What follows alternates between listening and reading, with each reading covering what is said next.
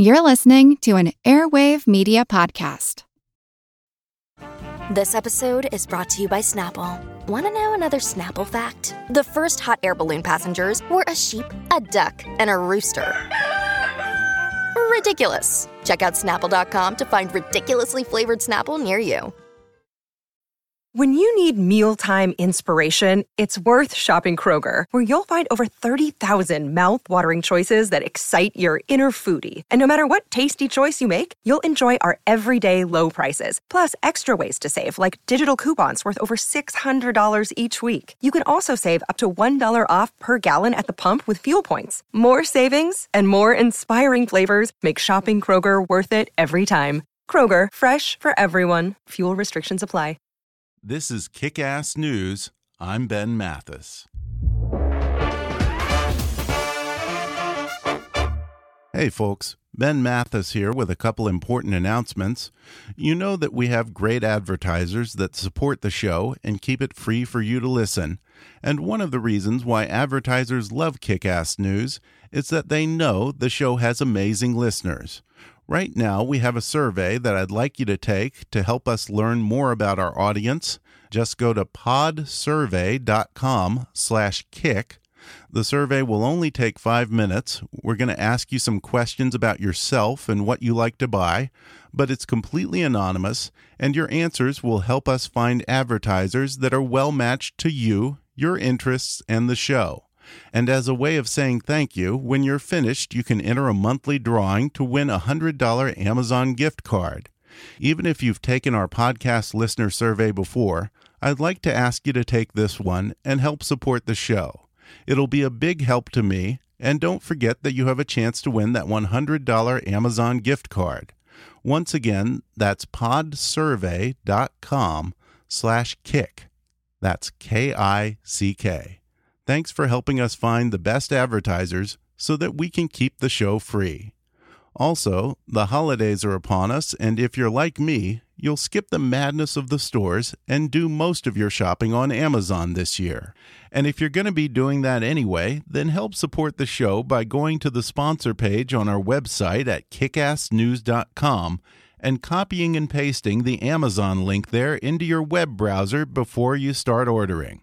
Then Amazon will toss us a little something for every purchase you make this holiday season. You have to shop for gifts anyways. They've got just about everything you can imagine on Amazon delivered right to your door. It won't cost you anything extra, and you can help support the show. So it's kind of like giving two gifts for the price of one this year. And that, my friends, is what you call a Christmas miracle. So again, go to the sponsor page at kickassnews.com and copy our Amazon link into your web browser before you start shopping. And if you feel extra generous this Christmas, then make a donation to keep us going over here at gofundme.com slash kickassnews. Thanks for listening and enjoy the podcast. Hi, I'm Ben Mathis and welcome to Kickass News.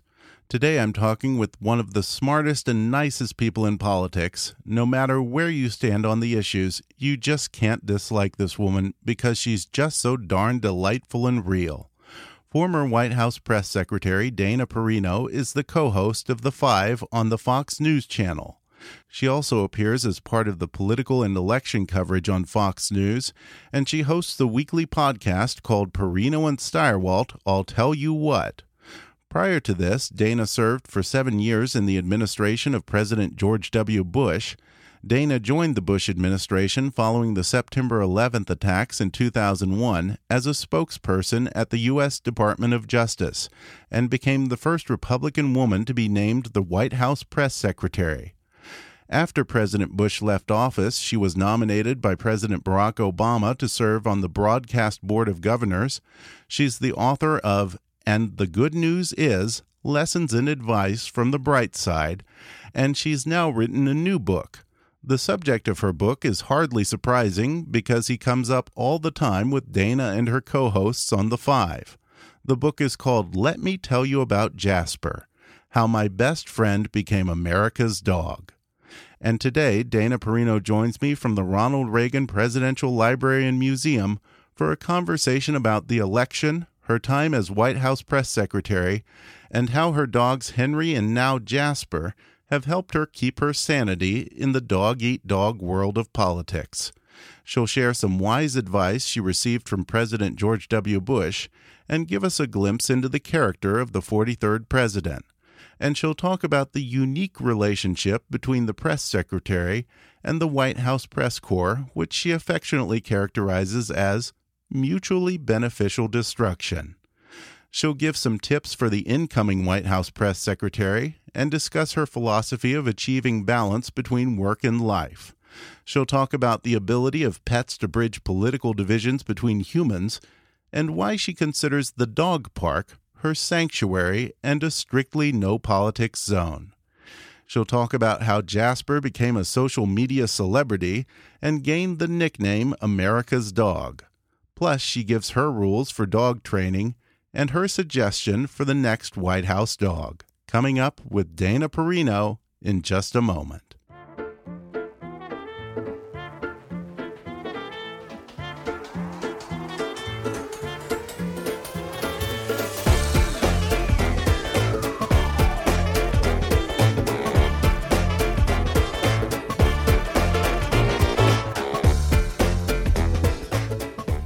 Today, I'm sitting down at the Ronald Reagan Presidential Library and Museum in Simi Valley, California, with Dana Perino.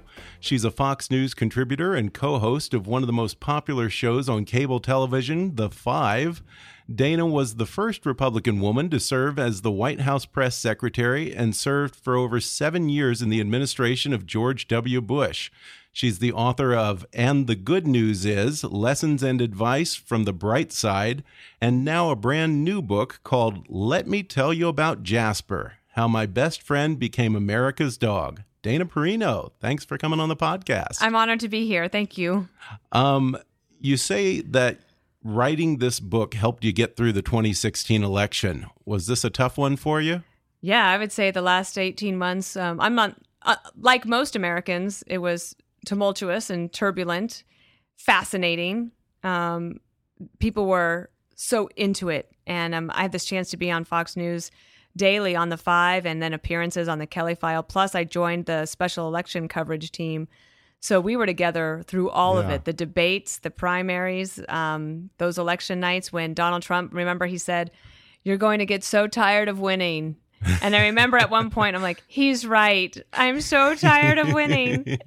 Um, so then it culminated in election night, and I was on set till 3:30 in the morning. And oh, for about 20 minutes afterwards, we stood outside the studio, all saying, "Wow, that just happened. this is happening, America." Yeah. Now, who who was in that group after the um, election let's results? See, there was there? Megyn Kelly okay. and Bret Baier. Mm-hmm. Um, I think Chris Wallace might have been standing there. Chris Stirewalt was there. Tucker Carlson, just like the whole crew. Okay. We were all just sitting around afterwards, wiping off our makeup and trying to get some water. Yeah. Now, what is the post-election mood like over at the Five? You know, um, uh, Eric Bolling was a big Trump supporter from early on, and Kimberly was pretty supportive too from early on, and. Um, I took a different view initially, and then I tried to basically be dispassionate mm-hmm. about it and and remove any emotion that I might have had from overhang from my years um, as a, a loyal aide to George W. Bush. And so I wasn't sure how it would be the next day, but you know what? The five started. It was supposed to be just a six week temporary show.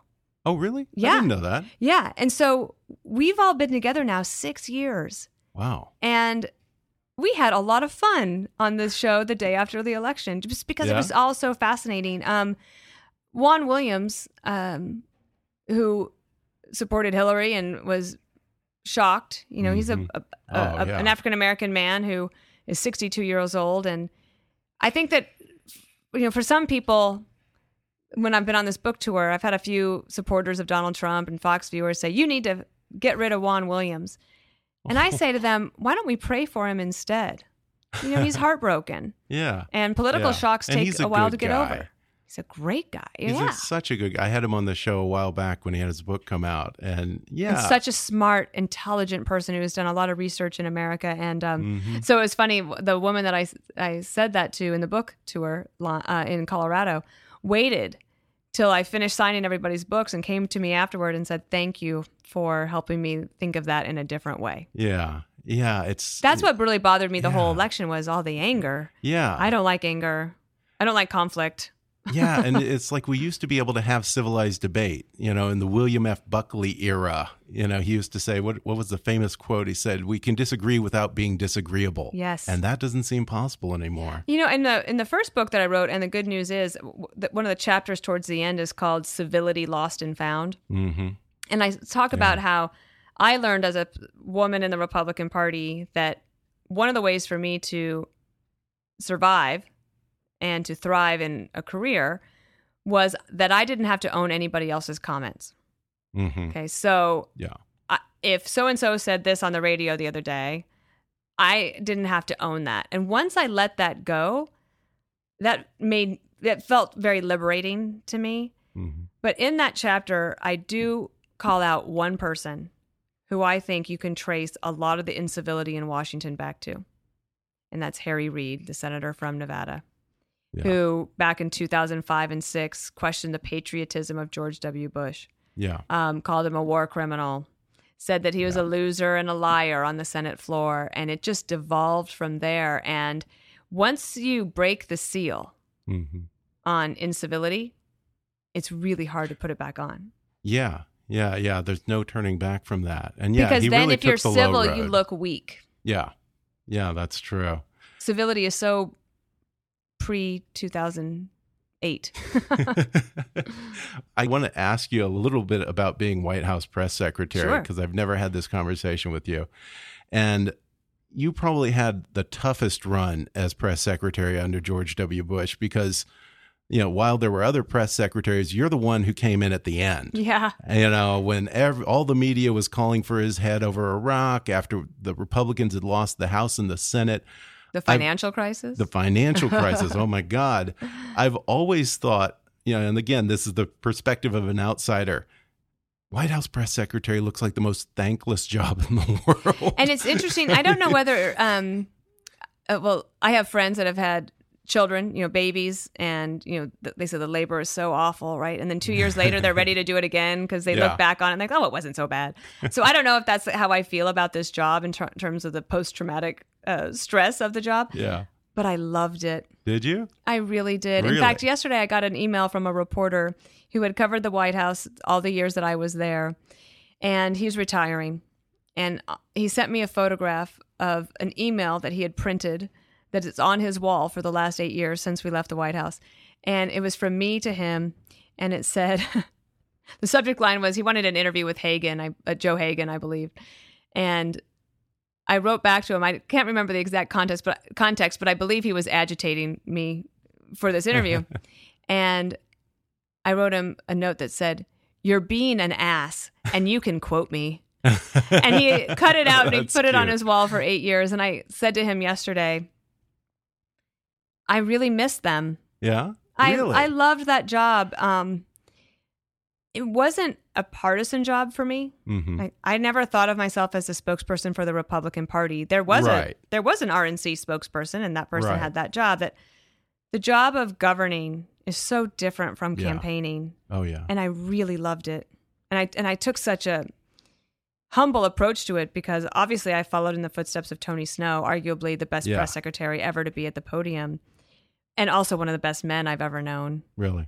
Yeah, definitely. Wow. One of just just terrific. Um, and his loss was a tough one. You know, it's interesting also for me as the first woman Republican press secretary to watch these conversations about women in Washington and working in Washington.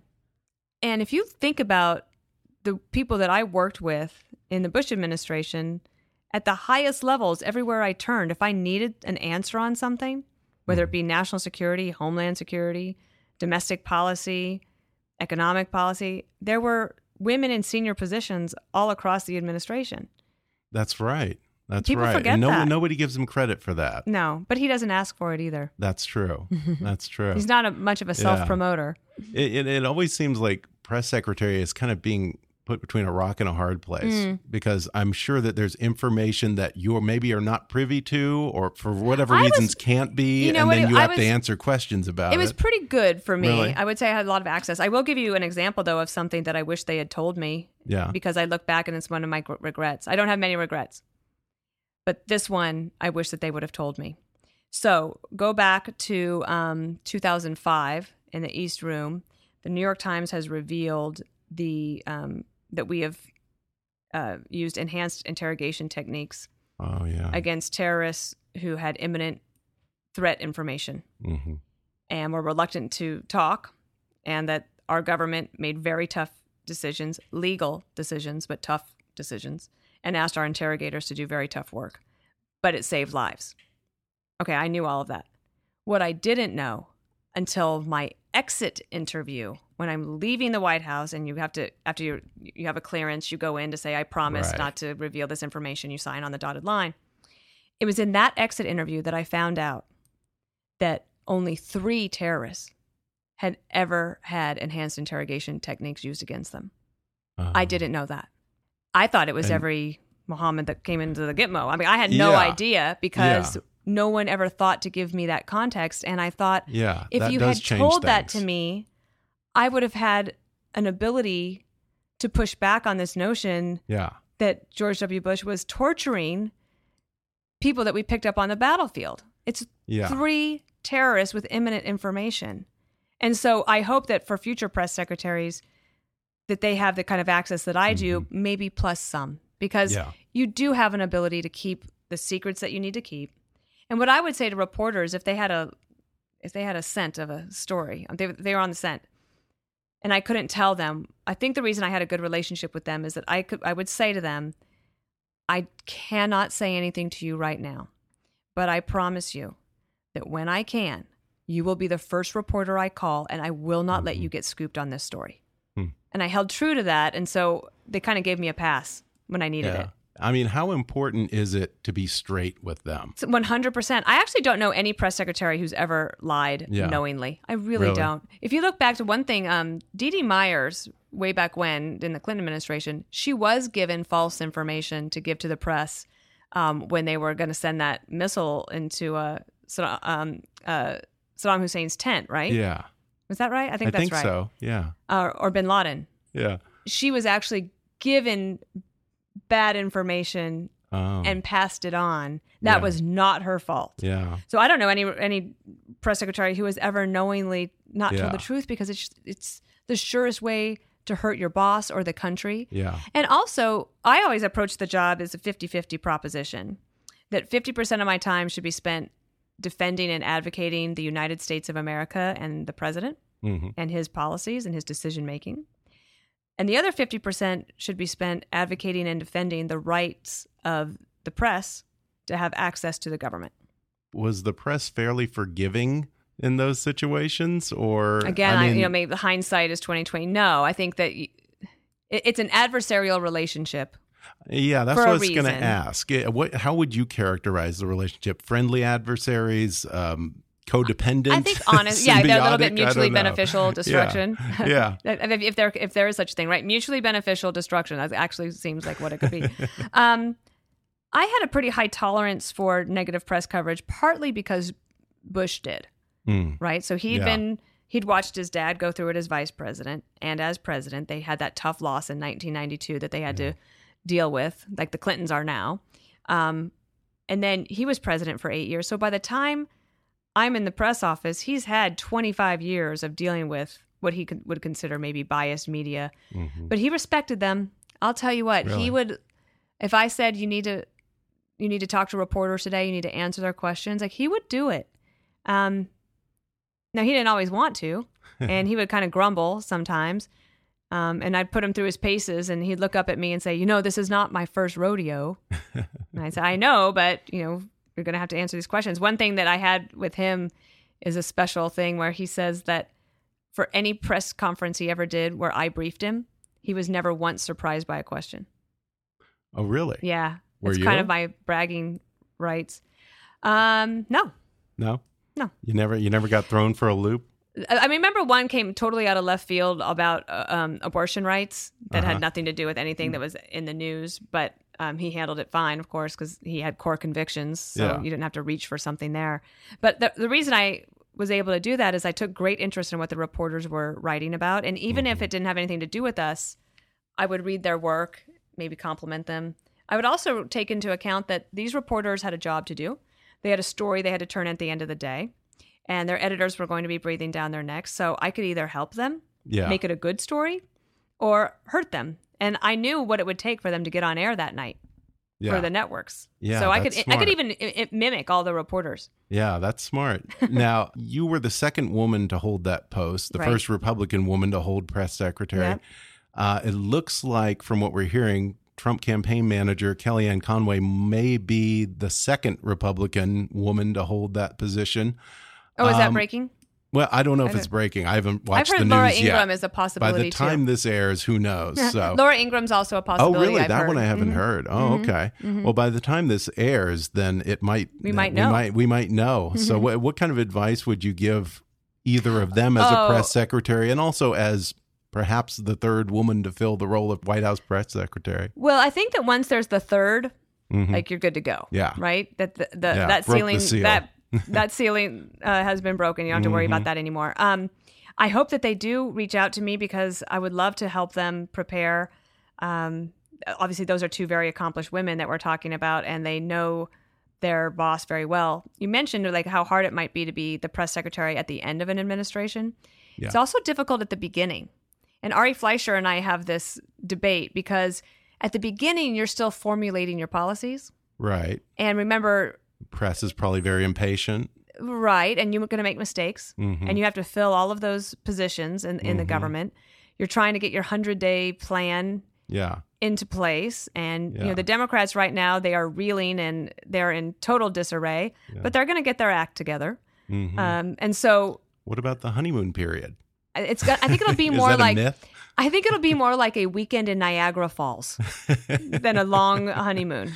Yeah. Yeah. Well, I just hope it's not a long nightmare. So we'll see. Um, I'm assuming in the years you were press secretary to him that you got fairly close to him and saw a lot. Mm-hmm. What struck you the most about George W. Bush as a man? Well, I would say a couple of things. One um, would be that I always knew that no matter what we were talking about, let's say it was even frivolous, like what I did over the weekend or my dog Henry at the time, there was always a look in his eye that you could tell he was worried about terrorism. And that Hmm. was always on his mind like, are we doing enough to protect the country from another attack? Um, I loved how he could make everybody feel comfortable in a room. I remember he went to um, we went to a inner uh, a Baltimore jail for a faith based initiative, and it was about um, helping uh, these inmates who are going to be hopefully um, leaving jail to help them transition it back into civilian life. And he went to sit down with them, and this um, black guy says to him, uh, I can't believe that you're here and the president of the United States is sitting right next to me. And it was like a 12 step program, right? They were an Alcoholics Anonymous meeting. And the president said, I'm no better than you. And this was me. Right. I was right where you were before I decided to stop drinking. Yeah, that's And true. All of a sudden, the People forget that. the guy felt more comfortable, right? He could do that with people, including um, I remember a guy in Albania, and it was a we were there to talk about this state program where we helped with some microloans so that people could start a business, and this guy is there, and, and the president says, "What do you do?" And he says, "Oh, uh, I'm just a sheep farmer, and uh, I'm just really not that important a guy. I just raise some sheep." Well, the guy actually had started off with like a small flock. He had a pretty big flock. And the president said, You know, where I come from in Texas, raising livestock's a big business. Yeah. It's a lot of responsibility. he says, So the next time I come to Albania and I meet you, I want you to tell me that you're a small businessman who happens to raise sheep. Yeah, he had such a great common touch with people, and he really did. I don't think that, especially on the left, I don't think that that ever really came across or sunk in. That he's a guy with a big heart. And a lot of forgiveness, too, right? He taught me to Mhm. forgive. Really? When Scott McClellan wrote the book about his time in the White House, and it was considered mm-hmm. to be a mm-hmm. very negative book for the president. I was so upset, devastated, mm-hmm. and I got called into the Oval Office at six forty in the morning, and he asked me to try to forgive him, and I said, "Wow, well, can I throw him under the bus first? and he said, "No, no one's going to remember this book in three weeks." And wow. he had took a very long view of things. Um, he used to say in that last year, if I was telling him we're going to do an interview that was good for the legacy, he would really try to steer me off of that and say, you know, this year I read three biographies about George Washington. And if historians are still analyzing the first George W., then this George yeah. W., the 43rd president, doesn't have anything to worry about yeah. because I'll never know how I'm considered in history. Isn't that interesting? Yeah, you know, and it must be so hard to take that view of things, to be able to step away from it, it and really realize that in me, your though. lifetime you will never really probably be able to get perspective on your time in the White House. But I love that because it helped me move on too. Yeah. And even now, thinking about you know having this chance to be an author and to be on your mm-hmm. podcast, to get a chance to be on television every day and to speak in front of hundreds of people. Um, I try not to get a big head about it because it could all end tomorrow. Yeah. And I realized what he was trying to say to me, which is all the things that you do here are important for it's important for you to do your best, but what matters is really the afterlife. We're going to take a quick break, and then I'll be back to talk more with Fox News' Dana Perino when we come back in just a minute.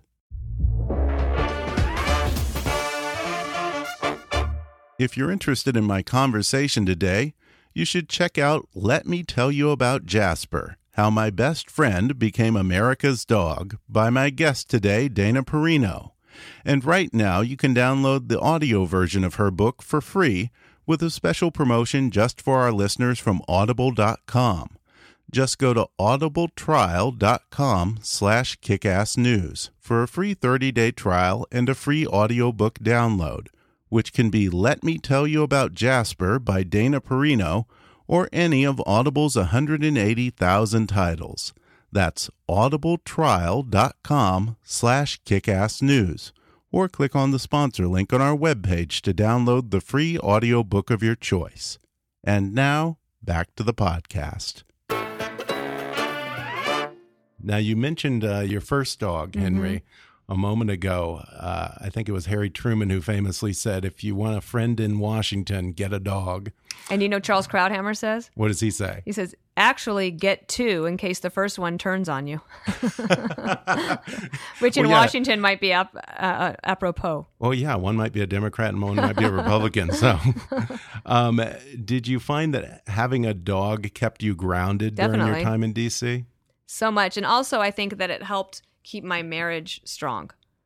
Really? Yes, because um, when you're working 24 7, basically, with a few hours of sleep in between, um, and you're busy and you're traveling a lot, and my husband travels for business a lot, and you can have this distance that can set in in any relationship, and you really have to work at it. And so, the one thing that we could always talk about every day was to check in on Henry. Yeah. How's he doing? Let's take him for a walk did he get his treats today? Like whatever it was, mm-hmm. we could get him a toy. And he really became the center that pulls us back together so that I wouldn't just go upstairs and start reading my briefing papers for the next day. Yeah. Um, and I think it also helps soften my heart because, as you were saying, the press secretary job can be one that's can make me, at least me, it made me a little hard edged mm-hmm. sometimes. Mm-hmm. And I remember there was a night when Peter picked me up from work and been a particularly tough day. Of course, now I can't even remember what the issue was. Um, and I was mad at some reporters, mad at my situation. I knew what the next day was going to be like. And I caught a glimpse of myself in the side mirror of our Jeep. And I almost didn't recognize myself. I really? was like, wow. I was just, my jaw was set. Like, I looked angry and hard edged. And Henry was in the back seat of the car and when I got in, he he liked to come up and put his front paws on on my lap and lick my face, and it would just give me a moment to go, okay, mm-hmm. there is love in my life, and let me just calm down for a second and focus on my husband and my dog for a second. Yeah, I feel like that's one of those things that and ground also, you and remind you that and, there's and, life, and also something to take care there. of. Yeah. that wasn't just a plant. And I don't have children. Yeah. I'm sure children are this do that same sort of thing Right. for for a couple. But we don't have children, and so Henry. Um, the other thing I write about in this new book is that looking back, because my editor said dig a little deeper. So fine, let me think about it. So Henry, I get in England when I'm 26 years old. I had just gotten Yeah. married. And I didn't even know George W. Bush when I was 26. I never knew I would go back and work in Washington and at a White House. Yeah. So Henry was with me from when I was 26 till when I turned 40. And in Wow. those 14 years, my life changed so dramatically where I was living in England, not working because I didn't have a visa. I come back, I live in San Diego with, with Peter. Where he's starting a business. I'm trying to find a job. And 14 years later, I was the White House press secretary. And then I was on this new show at Fox called The Five. And that's a lot of life to share Yeah. with somebody. Yeah, and it's like having someone who knew you back when, who kind of knows all of your flaws and all of your foibles, and when you're in a bad mood, and, And you know you can't lie to a dog. Yeah, You just can't lie. You can you can tell a dog anything. And actually, um, a portion of the proceeds of this new book will be going to Companions for Heroes, oh, which is a group that um, was started by a wounded warrior that had post traumatic stress, and it was friends of his that recommended he get a dog to try to help with that, and he thought that was ridiculous, but he ended up getting a rescue named Cheyenne. And he says that dog saved his life. And so Wow. now he created Companions for Heroes, and they work to match up rescue animals with wounded What a great warriors. idea. Yeah, it does, it, and it really does wonders. Yeah, that's amazing. And uh, this book was born out of a chapter that you cut from your previous book Mm-hmm. about the power of dogs to bring people together and even bridge political divides. Mm-hmm. Um, are dogs good peacemakers for humans? Absolutely, and I think that that's true um, all across the country. Partly, I saw that on social media, Okay. right? So that can be like a Yeah. nasty place, unless you're talking about dogs. Right. Then everybody can get along. Um, Donna Brazile and I have been friends for many years. The first thing she and I always talk about, it's not politics, but or scandal at any cable news company. um, but she has Chip, and I have uh, Jasper, and we always ask about him, and that's our icebreaker. The Yeah. dog park in Central Park is leash free from six to nine a.m. It's a Oh, it is? huge perk, and one of my rules is no politics at the dog park. And so we all get Yeah. along and talk about everything but politics. Yeah, you talk about the dog park, which must be big, especially in New York City, because New York one. is not a dog friendly place. Actually, it is. is it? You think so? Well, okay. It people in New York love their dogs, hmm but I- if you're saying like it's not the most conducive to dogs being able Right. to go out and run around, yes. Right. But I think that's one of the reasons New Yorkers take such good care of their dogs because they have to walk them every day yeah, and get them Okay. outside, and because you can't just let them out in the backyard. Yeah, and you, you talk about the dog park being kind of a sanctuary for you, and you have some rules for dog park civility. I know Yeah. I have no experience with dog parks. Oh, you might want to try it. You never know who you might meet. Yeah, That's what everyone All always tells me. friends. Yeah. Um, yeah, I love it there.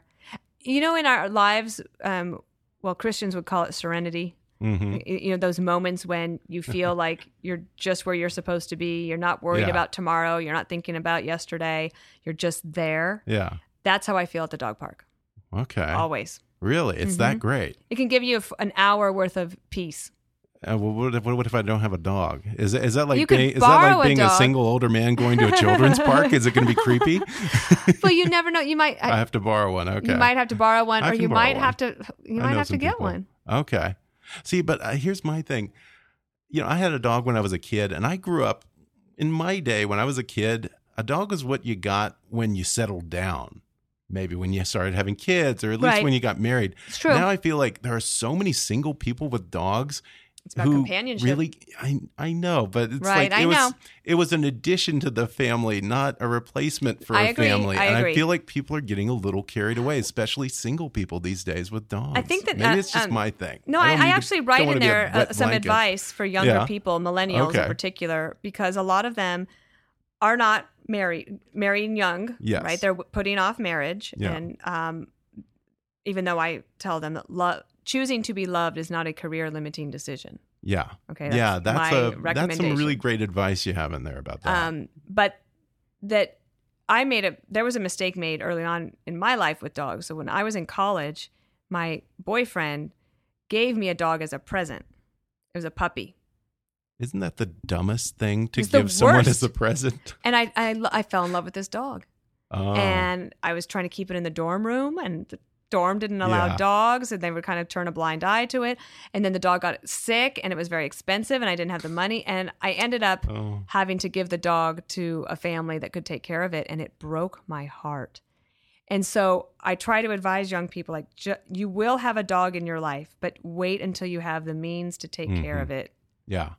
And I got to give New Yorkers credit because I feel like more than people here in Los Angeles, New Yorkers don't really commit to a dog until they know that they have the wherewithal and they've thought it And through and they take have a it to the doggy daycare. Yeah. Or the or Yeah. hire a dog walker to come and help you in the middle of the day. Yeah, yeah. Here in Los Angeles, everyone seems to have a dog now, and I don't know that they think you know. Then they go off to the office and just leave it there Dogs alone in an apartment. Yeah.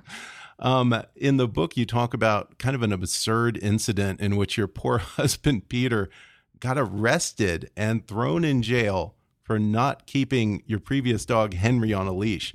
Now that kind of seems like a perfect example of a nanny state gone wrong. What in the world happened there? So we did a Facebook Live on this the other day with the Daily Signal. Yeah. Um, because I knew exactly what would be good for the Daily Signal readers. Rob Bluey and I are friends. I don't know if you know him. He's a great guy. Yeah. And um, this was based on a parking uh, a ticket that Peter got from the National Park Service because he had Henry at Lincoln Park on Capitol Hill without the leash. But the thing is, Henry was so well behaved and walked a heel, and he never needed a leash, so Peter had left it in the car. But the Park Service man gave him a ticket. Then the ticket had the wrong information on it for where to pay. That so it got sent back to him three times, and finally, as a newly minted U.S. citizen, Peter said, "I'll have my day in court." Right. He's and a I Brit. said, "But Peter, I think that comes with other complications in Washington Yeah. D.C. They raise a warrant for your arrest." He's like, "That's ridiculous." Well, he did have to surrender himself in this thing called Operation Clean Slate, where you could go and turn yourself in, pay your fine, whatever. But it ended up it, that story is outrageous, and Yeah. he details it in the book that he basically at one point during that day was put in leg shackles over a ticket. Talk about being put on a leash. Yeah, he was. He was leash. literally on a leash. oh my God. And your poor dog Henry passed away Mhm. after 14 wonderful years. Yep. Uh, were you hesitant to get another dog after that? Absolutely, because I felt the same way about we were we had just moved to New York. We'd been there six months. Um, I knew that move was going to be hard for Henry. Mhm. His loss was catastrophic for us, and Peter was collapsing inside. And um, he works from home, and I get to go to the studio every day and get my hair and makeup done and talk politics with people, and it's fun. And Peter's home all day alone. And it was Greta Van Susteren who called us the night Henry died, about 10 p.m. And she said, I know the last thing you think you can do is get another dog, but I'm telling you, it'll be the best thing. So I told Peter that, and he said, like, How? We can't. I said, I know. I mean, there's no grass around here. At this, that time, we lived in Hell's Kitchen. Mhm. The, to get to the park was about a 25 minute walk. And um, we went to dinner two nights later, still crying. And we decided we could do it. And uh, uh, the, the woman who used to take care of Henry when we were out of town and when I worked at the White House, she's a breeder of Vizslas. And Peter called her and she said, I had a feeling you'd be calling me. And I have a puppy that will be available June 5th. So we picked him up June 5th. And that was Jasper. How old is he now? 4 Oh, okay. Mm-hmm. Jasper's become something of a celebrity. A little How, bit. how did that happen? Well, remember uh, the show Red Eye? yeah. So Greg Gutfeld, uh, I would bring up Jasper on the five because the way our show works, that our viewers get to know us personally, and um, we're very open about all of our personal lives. So when Henry died, I made that announcement, and then when Jasper was about to join our family, I would talk about it on the show and on social media. And Greg liked to give me a hard time about it. So did Bob Beckel, who was on the show at the time. And um, one night when on Red Eye, we were talking about this Hollywood starlet who was so upset that the paparazzi were taking pictures of her dog and she had demanded that they stop. And Greg said, Dana, would you get mad if the paparazzi took pictures of Jasper? And I said, Of course not. I want to share my dog with everybody. I'll do all the work. He can be America's dog. so that's how the nickname got started. And then over social media, this illustrator Yeah. starts making uh, taking pictures that I've taken of Jasper and put on social media and then photoshopping them into these amazing scenes of Jasper in American Yeah. politics and cultural life. And 3 years later we collaborate together on this book that just has people in stitches. Yeah, yeah. Half of the book is these photos Mm-hmm. that are pictures that he was photoshopped into Mount Rushmore, and there's one of him at, uh, at at the podium at the Republican uh, National. That was the first one. That was the first like one. The art. You remember, and that started Oh. because remember there was going to be a guest, a mystery speaker, and nobody Oh. knew who it was going to be. So on And the five, we talked about who that could possibly be, and it ended up being Clint Eastwood in real Yeah. life. But that day, the Photoshop came across. That was the first one I ever saw. And get this, Ben, the off the illustrator, who I think is probably one of the best modern artists of computer generated art. It, it is absolutely astounding what he can do and how quickly he can do it. Um, he wants to remain anonymous. It's like Banksy. Like into yeah, well, yeah, I guess in a way, not criminally. not criminal Yeah. and not sneaking around. Yeah. Um, he doesn't want any fame or fortune. Huh. Um, although we did collaborate on the book together, I insisted he get paid Yeah. for it. But um, oh, that's good. yeah, he doesn't seek that's the good. limelight, which is kind of refreshing. Yeah. Now, how many Twitter and Instagram followers does Jasper have? Well, the thing is, I make Jasper ride on my coattails, or maybe it's the vice versa. But yeah, we're we're um we're up over like I think we have about a million on Facebook and uh, 1.3 million on Twitter. Wow. We're a little low in the Instagram department, only 124,000, but we're working on it. Oh, okay. That's all the all the young people are doing Instagram I now. like that seems to be the thing. Yeah. So, yeah. You have some rules for training a dog in here. Is there one that is Well, I kind of grew the up on a cattle rule, ranch. rule of dog training? I don't Yes, know. I think so. Um, so I grew up on a cattle ranch and watched my grandfather and uncles who were excellent dog trainers. hmm Um, I think that the most, very most important thing that you can do is if you get a dog, you have to have consistency, and the family has to have consistency. So Hmm. Okay. everybody has to agree on the rules, um, on the commands, and on the treats. hmm Um, and nobody can be the soft touch, at least Mhm. for that first year, because Yeah. they'll figure it out. That's a smart rule. And so, That's yeah, I would say that consistency is the very most important thing for training dogs. Yeah.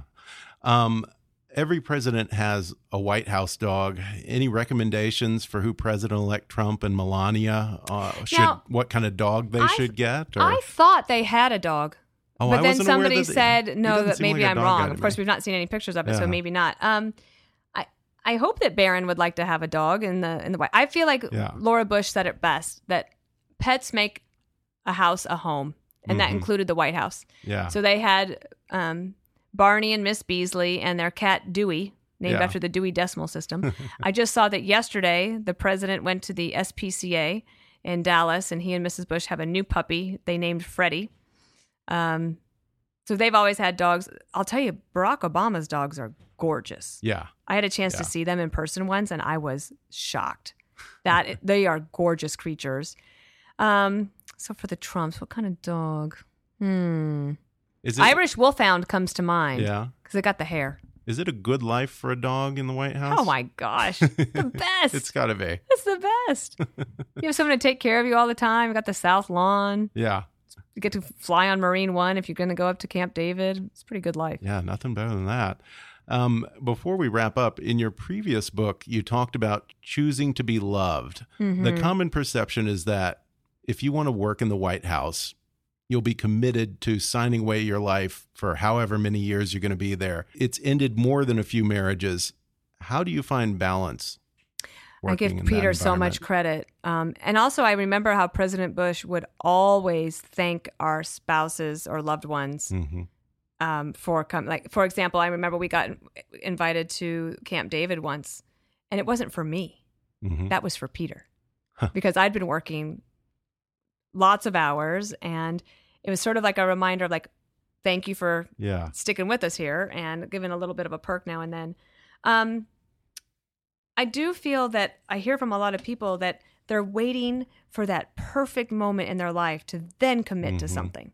So they want to make sure they have the right job and they're living in the right city and they want they don't want to move because they want to live in Charlotte or Chicago or even New York.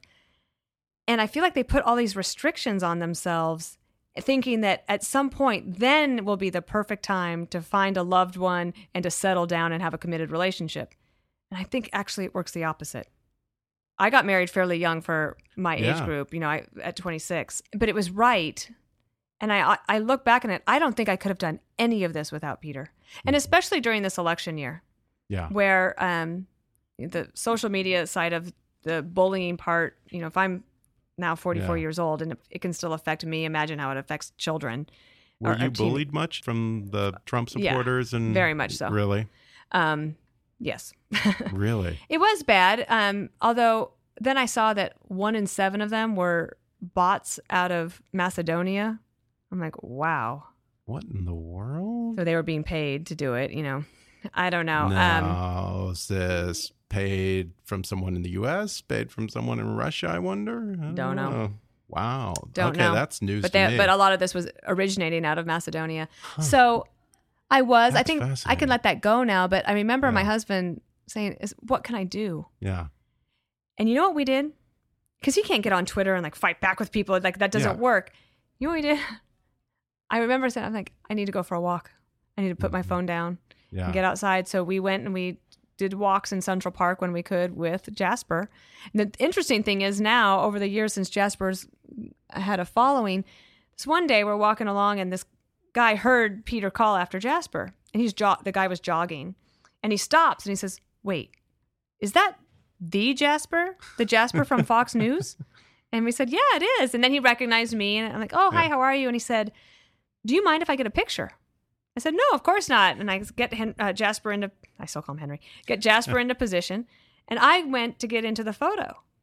And it was very clear. He didn't want me in the picture. He just Oh. wanted Jasper in the picture. And I thought, wow, my dog's really made it. no, you should start managing him. I, I, I gave him a new nickname the other day Yeah. meal ticket. There you go. Yeah. What's his cut of this book? Uh, he's he he is very happy. He gets Okay. to sit on the sit on the couch with me and and have his normal life, which is one of the great things about dogs. But he's brought me a lot of joy, and I love being able to share him with people. And uh, just in the book signings so far, I can see that you know I've found a way to bond with people and communicate with them in a way that they'll be open minded to listen to my views, uh, regardless if they agree with me. And it's a lot of it has to do with this commonality we have Yeah. love for our dogs. And they love Jasper. Well, again, the book is called Let Me Tell You About Jasper How My Best Friend Became America's Dog. Dana Perino, thanks for chatting with me. Thank you.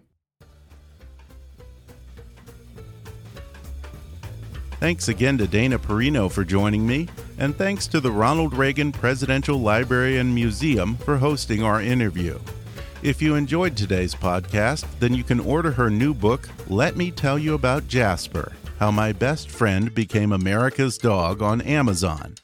Or you can also download the audio version of her book for free through that special trial offer just for our listeners at audibletrial.com slash kickassnews. Watch Dana Perino on her show The Five weekdays on Fox News, and subscribe to her podcast, which she co hosts with her Fox News colleague, Chris Stirewalt. It's called Perino and Stirewalt I'll Tell You What, and it's available on iTunes and Google Play. Visit her website at danaperino.com and follow Dana Perino on Twitter at, at Dana Perino. Don't forget to take our listener survey so we can keep the show free and find advertisers who are best matched to you, our listeners. Just take five minutes to go to podsurvey.com slash kick and take the survey. And when you're done, be sure to register for that $100 Amazon gift card giveaway. And once again, before you start your Amazon shopping this Christmas, visit the sponsor page on our website at kickassnews.com and copy our Amazon link into your web browser first. Then Amazon will kick us a little coin for every order you make this season. Be sure to subscribe to Kickass News on iTunes and leave us a review while you're there. You can visit Kickass News on Facebook or follow us on Twitter at, at KAPolitics. And please be sure to recommend Kickass News to your friends on your social media. And if you really want to help out, Then donate to our GoFundMe campaign at gofundme.com slash kickassnews. As always, I welcome your comments, questions, and suggestions at comments at kickassnews.com. For now, though, I'm Ben Mathis, and thanks for listening to Kick Ass News.